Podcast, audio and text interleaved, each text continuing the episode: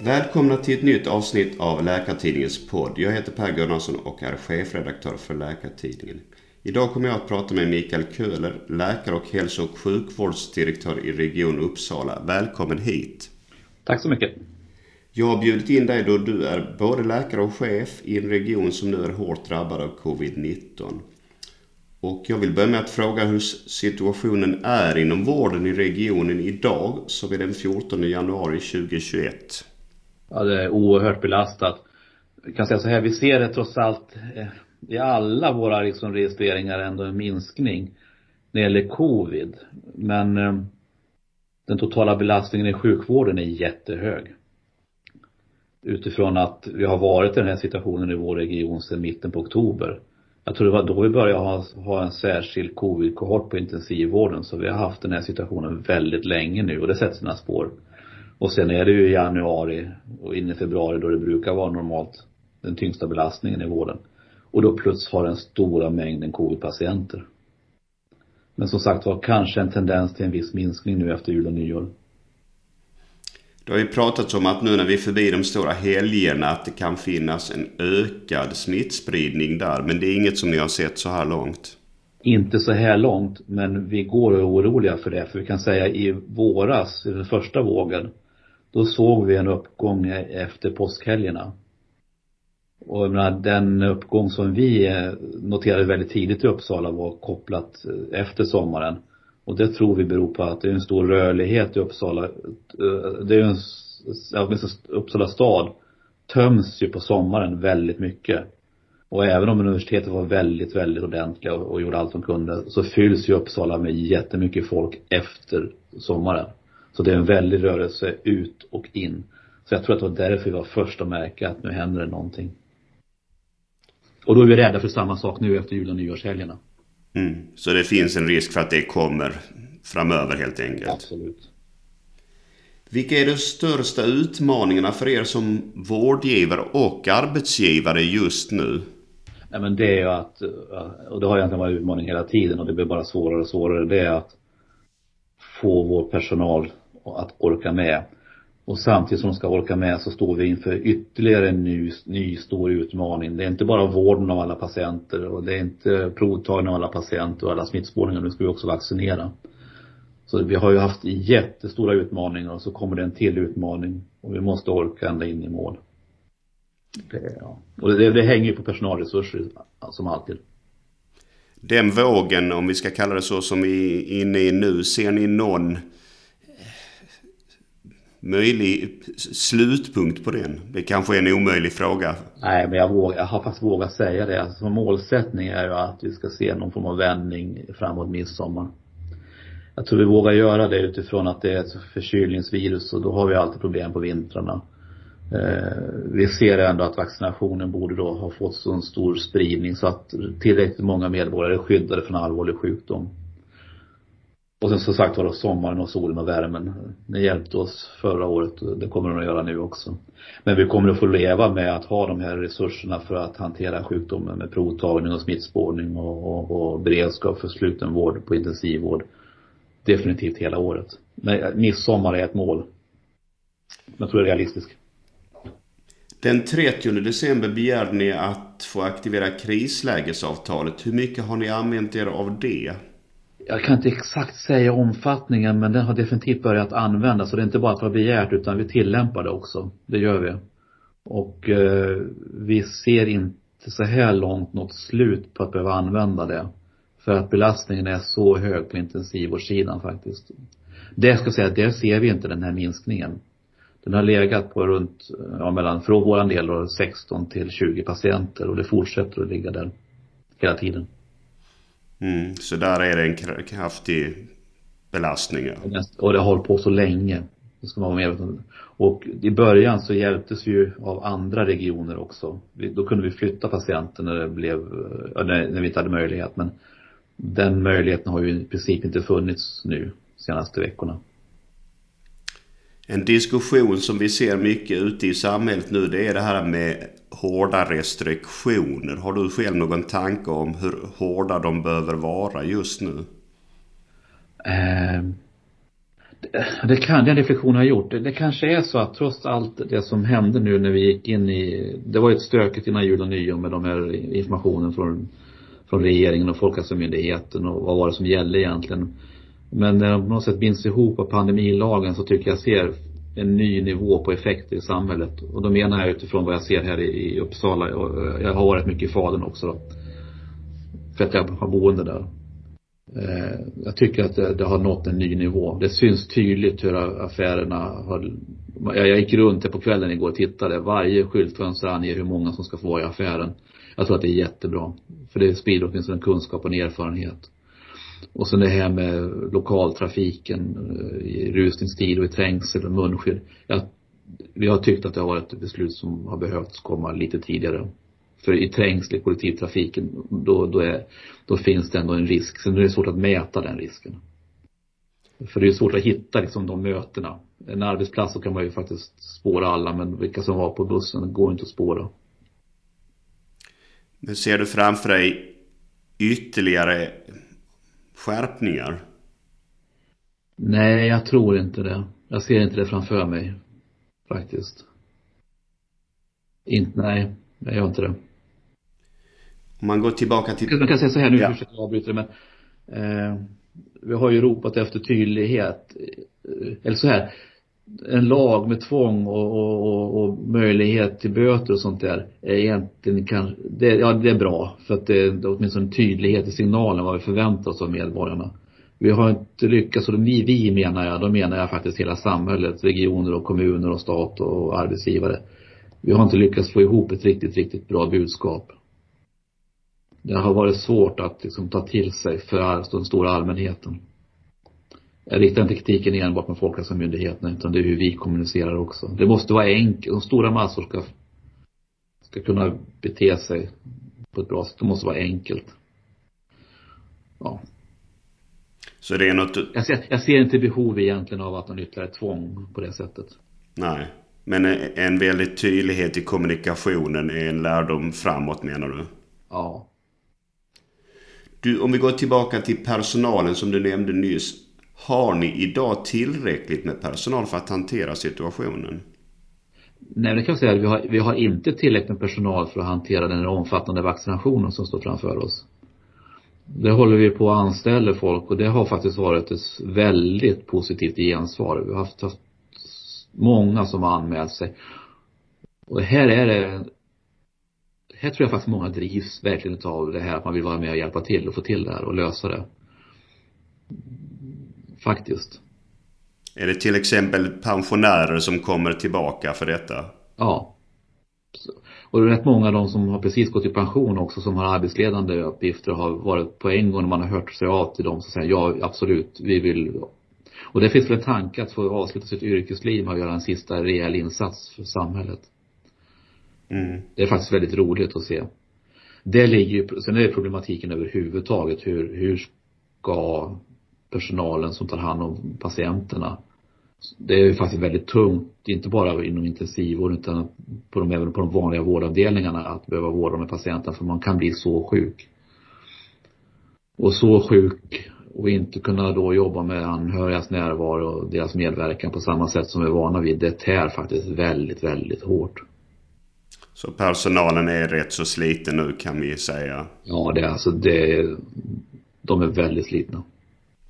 Mitt intryck från några olika regioner i början av pandemin, alltså i våras, var att det man hade möjlighet att göra då det var att man kunde sätta in ganska mycket extra personal på covid-avdelningarna. Är det fortfarande möjligt? Nej, alltså ja, ja det är möjligt. Jo det är möjligt alltså. Man måste ändå säga att de som jobbar med att bemanna och leda de här avdelningarna, de gör ett fantastiskt jobb. Men det kräver ju mer nu i hösten och vintern än vad det behövdes i våras. För då var det lite lättare att få, ja, att få in personer som ville hjälpa till. Det var det. Innan vi går vidare tänkte jag att du skulle presentera dig själv lite grann. Hur har din läkarkarriär sett ut så här långt?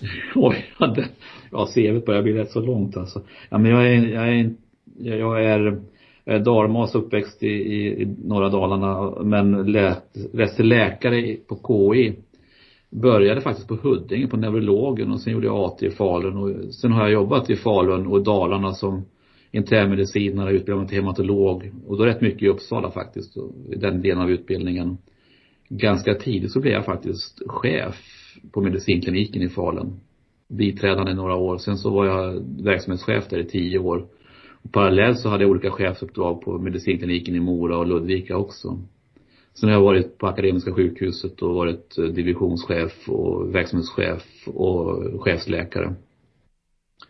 Sen, sen så hamnade han i den här rollen som hälso och sjukvårdsdirektör för vi hade ju den här varuförsörjningskrisen och då var jag chefsläkare och då, då var det rätt mycket att göra och i det läget så behövdes en hälso och sjukvårdsdirektör så jag hoppade in. Mm. Så att där är vi. Just det. Eller där är jag, ska jag säga. Vad var utmaningen med att vara chefläkare på ett så stort sjukhus som Akademiska är? Eh... Ja, det var, ja men det, det, men det är alltid det här att eh, den största utmaningen skulle jag säga det är att ident, för en av rollerna är ju att identifiera där det blir fel på något sätt, att kunna gå in där. Och det är ju att verkligen, det händer ju så mycket på ett universitetssjukhus. Det, det händer så mycket avvikelser. Och det, det, det är inget fel med det utan det, men det är konsten där att eh, fånga upp de avvikelser som rymmer för möjligheten till att ge, få fram förbättringar. För det är ju egentligen så att allvarliga avvikelsehändelser är den största och bästa chansen till att få till ett förbättringsarbete. Det vill jag verkligen hävda. Att det ligger potentialen att få till ett förändrat arbetssätt och få att det sätter sig. Och då gäller det ju bara att hitta de rätta. Eh, det, det skulle jag nog vilja säga. Eh, Sen så är det ju rätt mycket att, ja, att vara tillgänglig. Det, eller egentligen så är det att definiera vad är rollen som chefsläkare. Den är ju inte eh, egentligen lagreglerad. Att det, det, och det enda, det enda man har egentligen i delegationsordning hos oss det är att man är den som är anmälningsansvarig, som får göra lex Maria-anmälan. Och när jag först fick jobbet så undrade jag, men räcker det här för att jag ska ha någonting att göra på heltid? Men ibland så räcker det, men bara man har ett enda litet mandat så kan det leda väldigt, väldigt långt. För det ger väldigt mycket möjligheter. Inte utifrån att tvinga folk till anmälan och hota med det, utan man har ändå sagt att jag är den som ska bedöma det här, det kan ingen annan göra, det är jag som gör det. Och det ligger faktiskt fantastiskt många möjligheter och det är att lära sig att använda det verktyget. Man behöver inte, man behöver inte jobba efter att hitta massor med mandat. Ibland så räcker det faktiskt att ha ett enda liten mening. Jag är anmälningsansvarig. Och så utveckla det. Ja, det finns mycket att säga om chefsläkarrollen. Mm. Men du kände, om jag nu tolkar dig rätt, att du hade ett eh, bra mandat? Ja, och man, man kan lära sig det att det gäller att nöja sig med det man har och använda det och utveckla det mandatet. Då kan man nå väldigt långt. Det tycker jag. Hur är det då att vara både läkare och högt uppsatt chef under pandemin om man jämför med när vi inte är i den här situationen? Ja, jag tror att eh, det finns definitivt stora fördelar med det. Att eh, det är ju en händelse som till sin karaktär är väldigt medicinsk. Och jag tycker jag har stor nytta, och det märker mina kollegor också som har den bakgrunden, stor nytta av att ha ett medicinsk erfarenhet, ett medicinskt tänkande, ett biologiskt tänkande. För då kan man ju faktiskt sätta besluten för en gångs skull i, i det sammanhanget. Det är faktiskt lite grann som att vara överläkare på en avdelning och, och, och gå ronda. Eh, och det gör ju också att vår retorik fungerar på ett annat sätt. Det är ingen tillfällighet att eh, media plötsligt fylls av läkare. För vi är ju i ett område och en situation där vi är vana att agera och vana att tänka och vana att prata om. Och, och den, då passar plötsligt vår retorik medialt på ett annat sätt. Det finns ett behov av den retoriken. Den är ju inte alltid präglad av sådär rakhet och tydlighet utan det är ju en, det är lite om och men.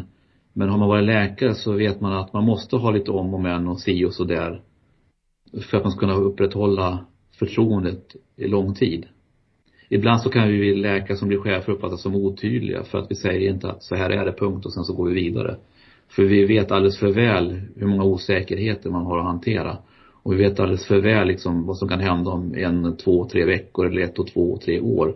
Och då måste vi fortfarande ha kvar vårt förtroende och då blir vi i början av processer otydliga. Men här har det fungerat för det har ju det visar sig att politiken blir ju tyvärr lite lätt förvirrad i den här situationen för den går inte att styra. Och det går inte att använda den retoriken med rakhet och tydlighet utan då vinner man med den här si och så, och det kan bli så här och det kan bli så här och så här istället. Eh, det, så att just nu är det bra att vara läkare med den retoriken, ja. Sen ska jag vara tydlig och säga att det är allt arbete fungerar bäst om man är ett team och man har olika kompetenser och tillgång till andra erfarenheter. Det märks i hälso och sjukvårdsläkarnätverket också att det behövs andra bakgrunder, andra kompetenser även i en sån här situation och då måste man ju se till att de är med. Det är egentligen allt ledarskap bygger på teamarbete där man har sina roller. Men återigen, här har det faktiskt varit en att vara läkare tycker jag.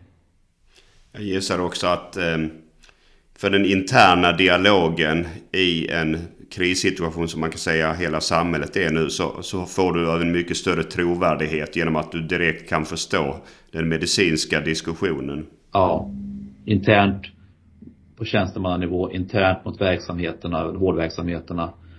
Men det fyller ju en tydlig funktion mot den politiska ansvarsnivån också. Vi behövs just nu på ett annat sätt än vanliga fall. Hur känner du då inför frågan om hur mycket du tycker att du som individ kan bidra med den situation som råder? Ja, det var en bra fråga.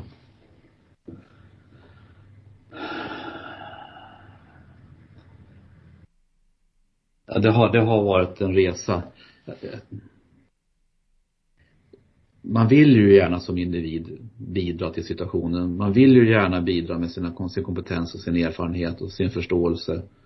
Och, och medverka i alla beslutsprocesser och framförallt så tycker jag, jag har försökt att lägga väldigt mycket energi på transparens och tillgänglighet för att bygga en form av tillit. Eh, det som är tråkigt med det här arbetssättet, men det är ju att man, man, man jobbar och jobbar och jobbar och man tycker man gör rätt, men man tycker, och så, så ser man ändå att så mycket går fel. Och så lägger man det gärna i sin eget, sin egen, eh, lastar sig själv för det där. Men då måste jag ändå säga att då hittar man tillbaks till läkarrollen igen för att det är ju egentligen så det är att vara läkare också. Man jobbar och jobbar och man tycker man gör så oerhört mycket rätt och sen så blir ändå patienten sjukare och dör ibland.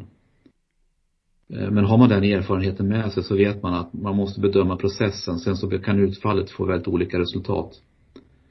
Så egentligen tillbaks, där tror jag faktiskt framför allt är att man har nytta av att vara läkare. Man orkar hålla ut för man kan sätta det i ett medicinskt och biologiskt sammanhang. Man kan bara ta den diskussionen kring särskilda boendena och, och vilket ansvar har vi i det där. Vi tyckte vi gjorde så mycket rätt. Vi vet att det är ett område där vi har varit svaga på utifrån våra egna insatser från regionerna men även att det här är ett delat ansvar och sådär. Apropå det med teamarbete. Där läkaren inte är en del av det vanliga teamet utan blir mer eller mindre gäster. Det är klart att det finns ett, ett, ett stort problemområde. Och vi tyckte att vi skärpte till oss och förbättrade och avsatte mer resurser och så ändå blir det kritik. Och samtidigt så kritiken är väl berättigad för det var väldigt stor dödlighet i början.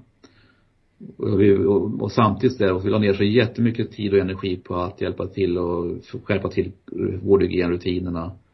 Och vi trodde att vi var på rätt spår och så ser vi själva att dödssiffran drar iväg och sen så kommer smällen från IVA i allt detta också då. Så det är klart att man men då är det bra att vara läkare och framförallt att vara läk, chefslä, chefsläkarbakgrund.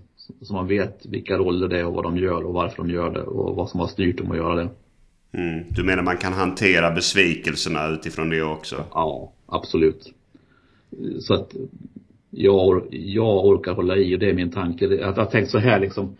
Den här sista, den här andra vågen har jag allt mer och mer börjat jämföra med Johan Olssons femmilslopp när han blev världsmästare. Alltså han, han lyckas ju få lite försprång och så spurtar han i tre mil. Och jag tror att faktiskt att vi är på de här sista tre milen. Nu måste vi orka spurta. Eh, ända in i mål och hålla avståndet som vi har uppnått nu till den här sjukdomen. Eh, och då tror jag man ska vara så vältränad som Johan Olsson och jag tror att många av oss läkare, men även annan vårdpersonal, är så vältränade så att vi, vi vet hur man står ut och håller i och, och orkar spurta nu i tre mil. Mm. Så där kan man inspireras av skidåkningen. Ja, ja faktiskt. Du, bara för att kort gå tillbaks lite till det här som du kom in på med läkarinsatserna i eh, äldreboendena. Generellt sett har det ju uppfattats som ett slags samhällsmisslyckande eh, att närvaron var för dålig. Är det den insats, in, eller slutsatsen ni också har kommit fram till? Nej, egentligen inte. Alltså vi har tittat på dem av, alltså vi, har, vi blev lite överraskade över den slutsatsen och den journalgenomgångarna. Vi kan, och det här, vi kan ju se att vi har i vissa avseenden, i vissa händelser, inte gjort det som förväntas av oss. Men då måste man ju separera det från att vi kan inte se att de här avvikelserna har lett till de konsekvenser som man vill hävda, det vill säga att det går att koppla till en ökad dödlighet. Där någonstans så tycker jag att retoriken har fallerat. Vi har definitivt gjort fel. Och det har definitivt funnits utrymme för förbättringar. Vi gjorde en del i början och det finns fortfarande utrymme att det kan bli bättre. Men att det däremot ledde till de här skad, några skador eller onödiga undvikbara dödsfall. Det är mycket svårare att se. Vi har inte sett det i något sammanhang. Nej. Riktigt så tydlig har man ju inte varit från IVO i den diskussionen att en sak är felaktigheterna, men vad var konsekvenserna av de här felaktigheterna? Det antyddes till och med någon, jag vet, jag glömmer det aldrig när, nej jag ska, jag ska inte säga det för att då måste de svara på det. Mm. Men det har väl antytts om eh, att, eh, eller inte åtminstone dementeras att eh, de här avvikelserna det menas medialt ibland att det leder till den ökade dödligheten. Men det går inte att leda i bevis. Det vill jag mena. Nej, så du menar att det kunde ha varit och det kan vara bättre läkarmedverkan på plats men det har inte lett till dödsfall? Nej. Det ska man säga också kanske, alltså den, den, den, den täta dialog, för det var det vi gjorde också. Vi hade ju möten med masarna flera gånger i veckan alltså. Och vi hade möten med socialcheferna flera gånger i veckan för att försöka fånga upp avvikelser och, och, och sånt här. Det som vi fick tydligt förklarat för oss, de som jobbar med det här på särskilda boenden var att när patienterna väl fick sin sjukdom och man behövde ha hjälp så gick det så snabbt så det gick inte att göra någonting. I vissa fall, i många fall i alla fall.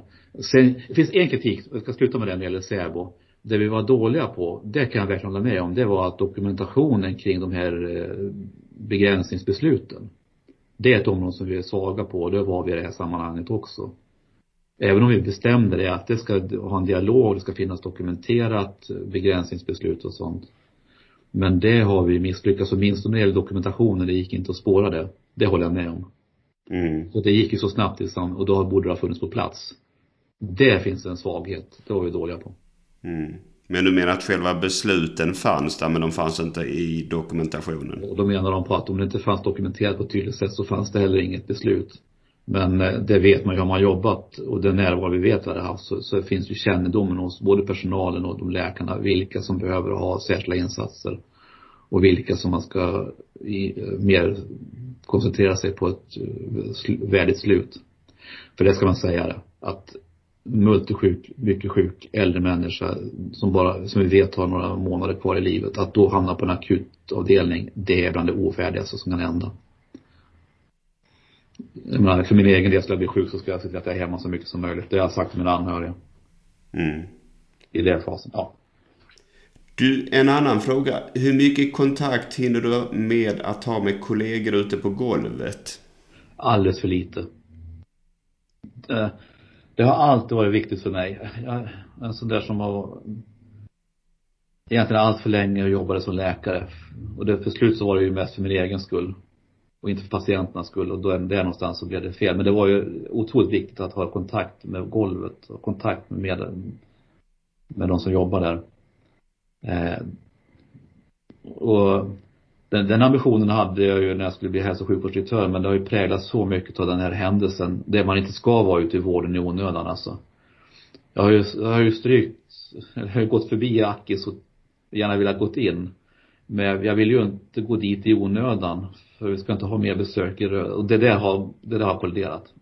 Så det är en väldigt bra fråga och det stör mig väldigt mycket.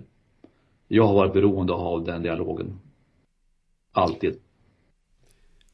När du väl kommer ut, upplever du att eh, läkare och annan vårdpersonal är ärliga om de vill säga någonting till dig?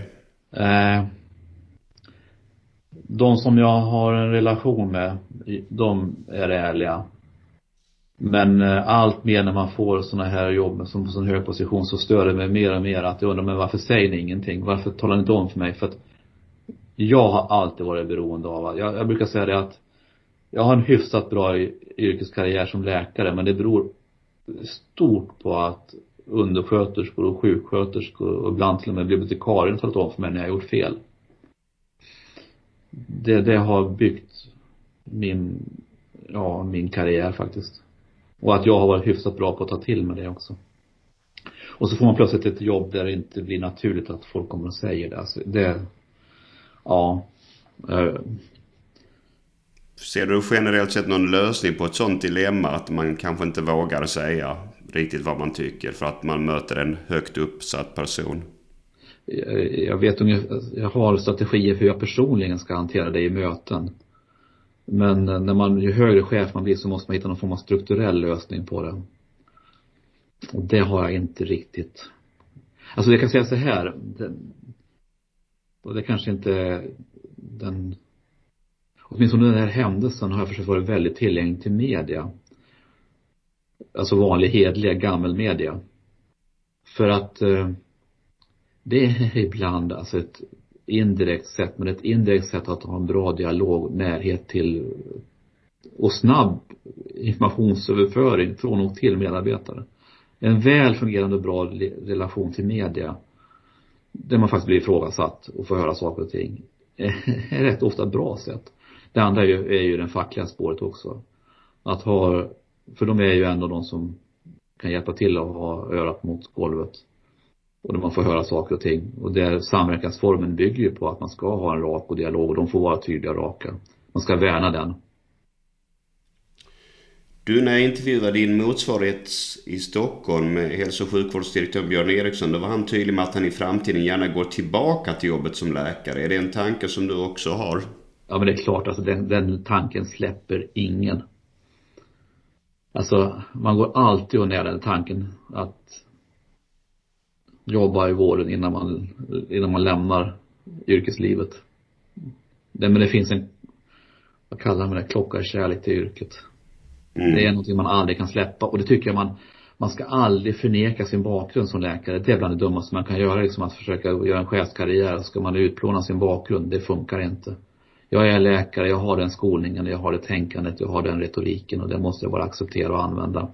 Men med ödmjukhet mot andra yrkeskategorier och att teamarbete är ändå det som är det som leder någonstans. Så på det sättet så utesluter du inte att det blir några läkarår framöver? Absolut inte. Men, ja, ja, ja, ja. Nej men absolut. Den, den tanken går jag alltid och har. Vad ska jag göra? Och då kan jag säga så här att någonting som som jag har sett kollegor göra det är att det man verkar kunna fylla en roll är oftast inom palliativ verksamhet. Där man måste ha medicinska grundkunskaper men man måste ha stor samhällskontakt också. Det, de sista månaderna, veckorna i livet så är det bra med stor erfarenhet från olika saker. Så det är en verksamhet som du skulle kunna tänka dig, ja? Absolut. Du, förhoppningsvis kommer det ju då en dag när eh, pandemin har lättat så pass mycket att man kan återgå till någon mer slags eh, vanlig tillvaro. I vilket skick kommer då personalen att vara när det väl kommer? Ja men de kommer ja, det är ju, det är ju definitivt en av de stora utmaningarna.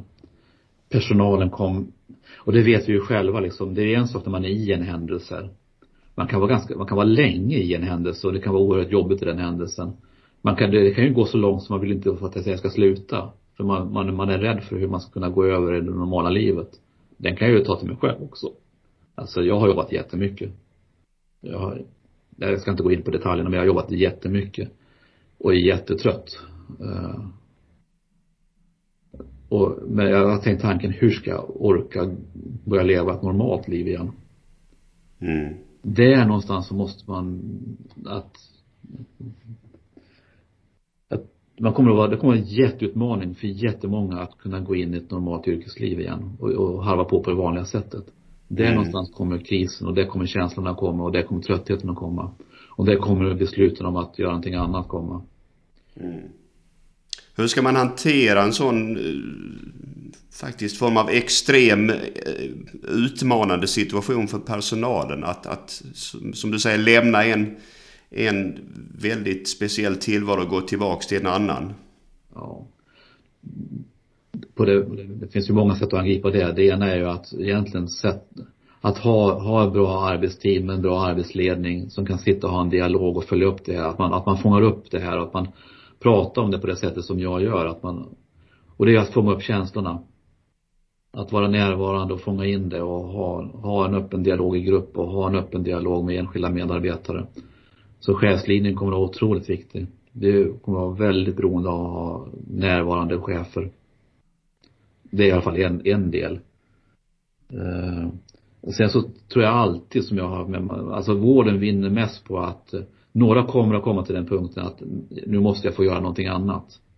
Det kan vara att man slutar med vården eller tror jag framförallt att man går vidare och gör någonting annat i vården. Och man ska vara medveten om att när medarbetare tänker så så är det någonting som alla vinner på det här att det är väl helt okej okay att vi vill gärna att du är kvar hos oss och fortsätter hos oss men det är också helt okej okay att du går vidare i ditt yrkesliv. Att ta till sig det som chef kan vara väldigt svårt ibland för man vill ju gärna ha medarbetarna hos sig och så gå in i den här processen med att nyrekrytera kan ibland kännas skrämmande men ett medskick är att om medarbetarna kommer till den punkten när man börjar fundera på att göra någonting annat då ska man lyssna och förstå om man ska och någonstans acceptera som arbetsgivare både i det enskilda fallet och på det hela att man väljer att göra någonting annat. För det är att folk går vidare. Och det vinner alla på faktiskt. Man får gå vidare och få göra nya karriärer och prova någonting nytt. Mm, så där behöver arbetsgivaren vara redo att vara ett stöd också? Ja, exakt. Att gå vidare. Precis det. Du, en annan utmaning som ni har i regionen det är en tuff ekonomisk situation. Kan du kort säga någonting om hur den ser ut för er del? Ja, men man kan säga strukturellt så är det ju stora problem eh, på sikt.